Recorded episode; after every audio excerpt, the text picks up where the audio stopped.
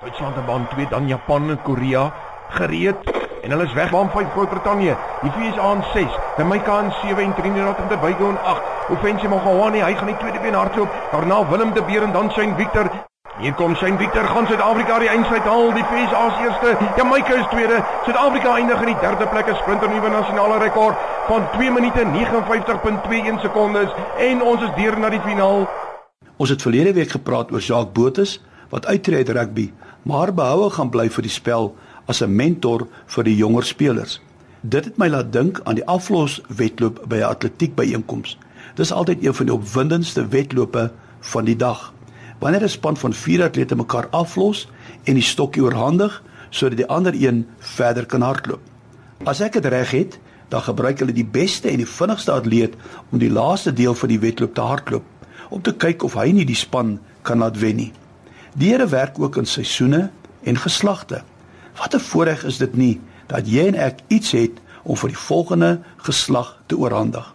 Ons kan vir hulle die stokkie gee van hoop. Ons kan vir hulle sê ongeag die omstandighede met Christus in jou lewe sal daar altyd hoop wees. Ons kan vir die stokkie gee van geloof want geloof in Jesus sal jou deur die donkerste nag dra.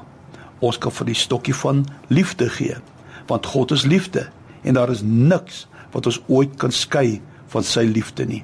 Ons lees in Rigters 2:10, daardie geslag het uitgesterf, na hulle het daar 'n geslag mense gekom wat nie die Here geken het nie. Hulle het ook niks geweet van die groot dinge wat hy gedoen het nie.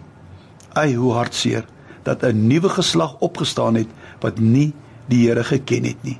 En wie was te blameer? Die vorige geslag. As een van die atlete die stokkie laat val, is dit verby. Daardie span kan nie wen nie. Luisteraars, ons mag nooit die stokkie van die evangelie, die goeie nuus, die blye boodskap laat val nie. Die volgende geslag moet dit hoor en is ons voorreg en plig om dit te doen. Vir ons as gelowiges lyk dit of ons so in die laaste pylvlak ingaan en of die koms van die Here op hande is. Onthou, die beste atleet hardloop altyd laaste. Miskien is ons die laaste geslag wat beteken jy is die beste. Here Jesus help ons om nooit die stokkie te laat val nie, maar om die wonderlike dinge wat hy vir ons gedoen het aan ander oor te gee.